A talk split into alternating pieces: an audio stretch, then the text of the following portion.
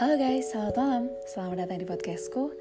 Kali ini aku mau bikin podcast dengan tema yang sama kayak kemarin, yaitu tema horor. Tapi kali ini aku bikin podcast sendirian karena partner podcastku lagi sok sibuk. Eh, seperti yang udah aku kasih tahu kemarin, kalau aku ini nggak punya kemampuan untuk melihat atau merasakan kehadiran makhluk mistis yang ada di sekitarku kayak gitu. Jadi emang dari kecil ya ada aku beberapa kali lihat tapi itu waktu kecil dan sampai sekarang itu nggak pernah lagi gitu. Nah jadi kali ini aku mau cerita pengalaman nyata yang dialami oleh salah satu anggota keluarga aku yaitu adikku sendiri. Aku punya adik cewek. Sekarang dia kelas 6 SD tapi kejadian ini uh, terjadi di tahun 2019 waktu aku semester 4 karena sekarang aku semester 8 aku semester 4 nah di waktu itu lagi sibuk-sibuknya aku tuh di kampus. Aku kuliah dan jarang banget pulang. Aku pulang paling dua minggu sekali.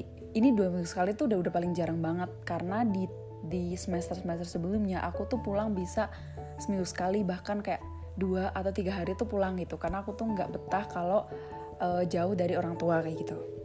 Nah tapi di semester 4 itu lagi sibuk-sibuknya perkuliahan terus kegiatan organisasi kayak gitu kan. Jadi jarang banget pulang.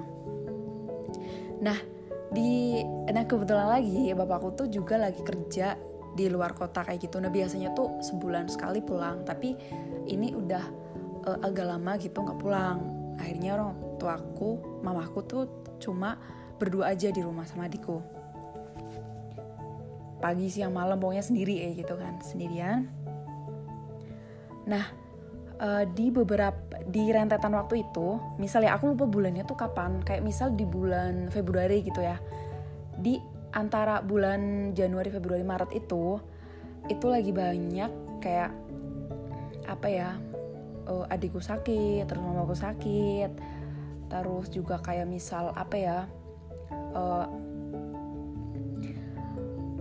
pergantian musim kayak gitu kayak hujan kepanas kayak gitulah pokoknya di di waktu itu. Tapi aku lupa bulannya tuh kapan. Kayak musim pancaroba banget kayak gitu. Nah kan kayak udah wajar ya kalau di musim pancaroba tuh orang-orang pada sakit. Nah adikku pun kayak gitu. Adikku tuh sering banget sakit waktu itu. Kemudian di satu malam uh, mamaku tuh WA loh ngabarin aku suruh pulang.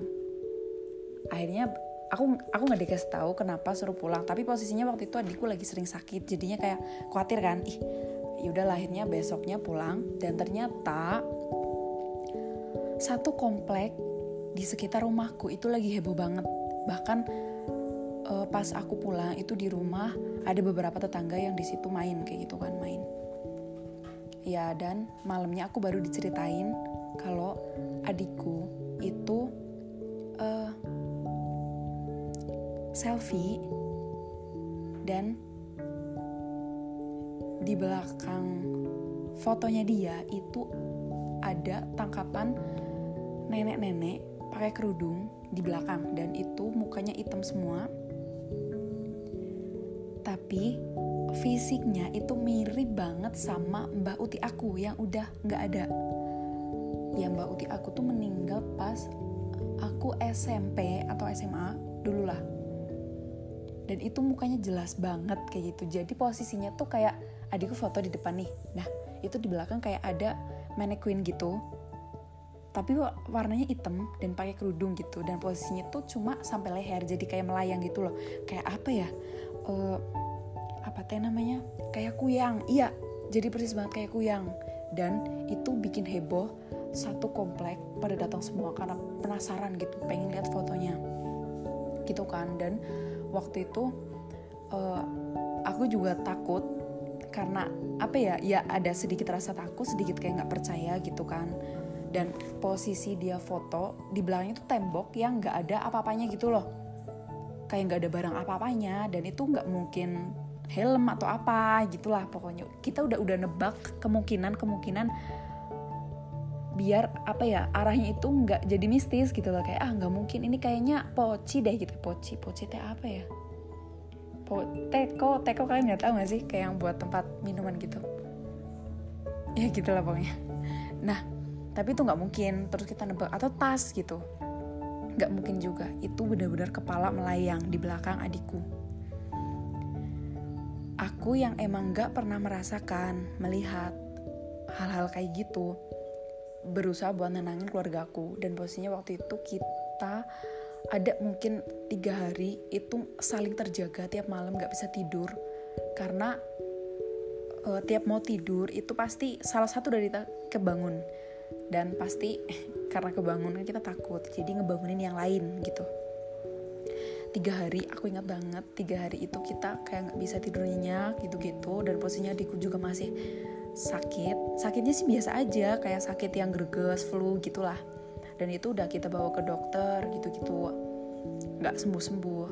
Nah akhirnya karena di desaku juga masih kental kepercayaan kalau sakit kalau apa itu ke orang pintar kayak gitu. Orang pintar tuh apa ya? Kayak ustadz gitu loh.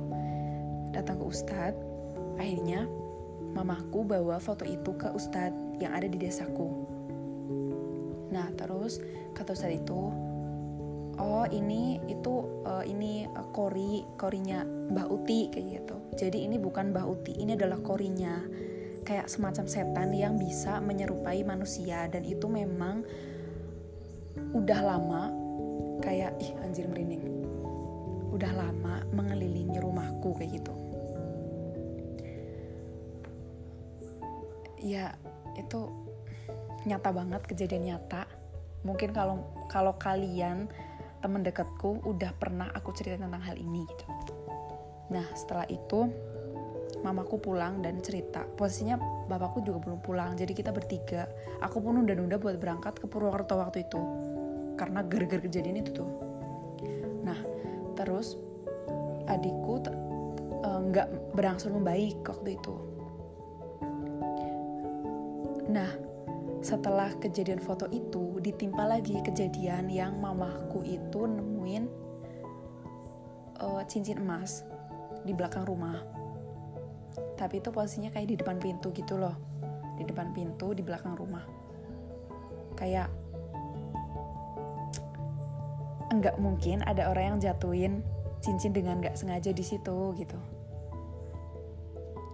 Itu juga bikin orang komplek di tempatku tuh kayak heboh pas penemuan cincin itu. Dan itu cincin emas yang asli, cincin bener-bener emas. Terus kayak mamahku berusaha nyari tahu itu cincin siapa gitu-gitu. Oh ya, yang nemuin cincin itu pertama kali bukan mamahku, tapi saudara saudaranya aku kayak Wawa kayak gitu. Wawanya aku. Wawa tuh apa ya? Wawa teh kayak kayak Pak De Bude gitu. Di sini namanya Wawa. Nah, bapak aku yang nemuin. Percaya nggak? Setelah bener-bener nggak selang kayaknya selang dua hari apa tiga hari lah abis bapak aku nemuin cincin itu dia itu nggak bisa jalan kayak lumpuh gitu loh lumpuh.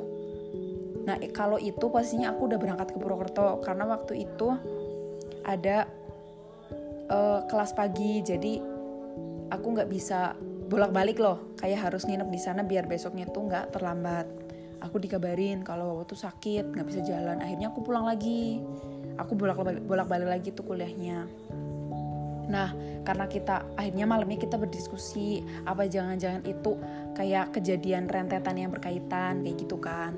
Nah, akhirnya mamaku itu pergi lagi ke ustadz, ustadznya itu kecamatan sebelah. Eh, kecamatan sebelah. Nah, terus akhirnya itu ustadz diundang. Ustadz itu kayak punya ini loh kayak punya rombongan pengajian kayak gitu. Ustadznya diundang buat pengajian di rumahku tuh waktu itu. Pengajian rame banget pengajian. Gara-gara kejadian itu kejadian yang foto sama kejadian yang nemuin cincin. Nah akhirnya sama si uh, ustadznya di kayak disuruh ini nanti udah pas udah pengajian disuruh ini cincinnya aku lupa entah cincinnya dibawa apa apa dibalikin suruh dibuang itu tapi intinya cincinnya dibuang. Terus fotonya suruh dihapus. Nah waktu itu fotonya tuh udah terlanjur kesebar ke mana-mana. Kesebar ke mana-mana. Akhirnya mamaku kayak nyari siapa aja yang udah udah dikirim suruh dihapus. Mamaku juga ngapus yang ada di HP-nya sama yang cincin itu juga udah dibuang. Aku lupa lah pokoknya bentuk cincinnya aja aku masih ingat. Soalnya tuh mirip banget sama cincin punya aku. Kalau sempet nanti aku fotoin aku posting di IG eh, kalau sempet. Nah abis kejadian itu akhirnya kayak aku kan nggak pernah percaya bukan nggak pernah percaya karena nggak bisa lihat hal kayak gitu kan jadi nggak terlalu percaya. Tapi waktu itu aku ikutan nggak bisa tidur karena was was bahkan kita kayak makan apa tuh kayak harus rantang runtung bareng-bareng terus gitu. Biasanya kan nggak biasanya makan ya udah lapar makan sendiri-sendiri gitu. Ini nggak mau mandi juga nemen-nemenin nemenin depan pintu kamar mandi gitu gitu ini udah nggak udah agak tenang suasananya. Dan akhirnya waktu itu aku balik lagi ke Purwokerto untuk menjalani hari-hariku seperti biasa. Dan kejadian-kejadian kayak gitu sampai sekarang alhamdulillah udah nggak ada lagi. Kayak gitu. Dih ini berisik banget tadi gue kayak gitu guys. Ceritanya langsung selesai karena nggak terlalu panjang dan udah emang udah rampung. Uh, kita cerita lagi next time buat kisah-kisah horor lainnya. Gitu. Bye bye